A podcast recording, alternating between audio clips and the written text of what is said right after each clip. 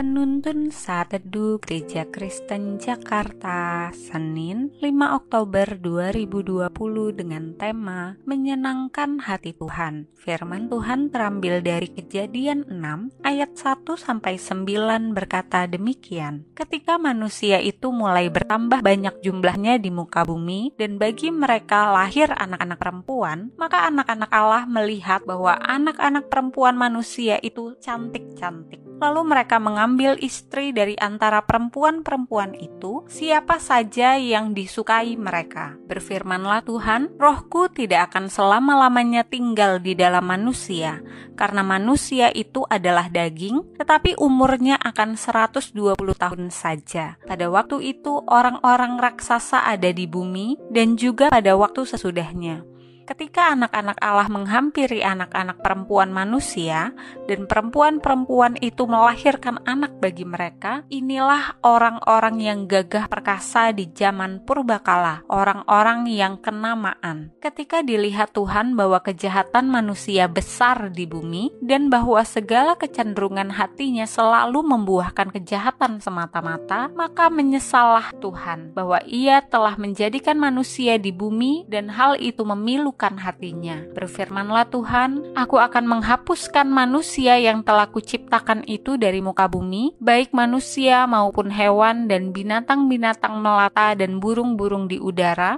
sebab aku menyesal bahwa aku telah menjadikan mereka. Tetapi Nuh mendapat kasih karunia di mata Tuhan. Inilah riwayat Nuh. Nuh adalah seorang yang benar dan tidak bercela di antara orang-orang sejamannya, dan Nuh itu hidup bergaul dengan Allah. Tema utama di seputar kisah kehidupan Nuh adalah tentang penghakiman Allah atas kejahatan manusia dan anugerah keselamatan diberikannya kepada orang benar. Di ayat kelima, Alkitab mencatat Tuhan melihat kejahatan manusia besar di bumi dan bahwa segala kecenderungan hatinya selalu membuahkan kejahatan semata-mata. Allah memeriksa semua manusia di bumi dan menemukan semuanya jahat ini membuat Allah murka dan memutuskan untuk melenyapkan mereka semua dari muka bumi, kecuali Nuh, sebab ia mendapat kasih karunia di mata Tuhan. Terjemahan lainnya berkata, Nuh menyenangkan hati Tuhan. Kehidupan seperti apa yang dijalani Nuh sehingga ia menyenangkan hati Tuhan? Dalam ayat 9 Alkitab mencatat, Nuh adalah seorang yang benar. Hal ini menyatakan statusnya di hadapan Tuhan, bukan berarti Nuh tidak pernah berbuat salah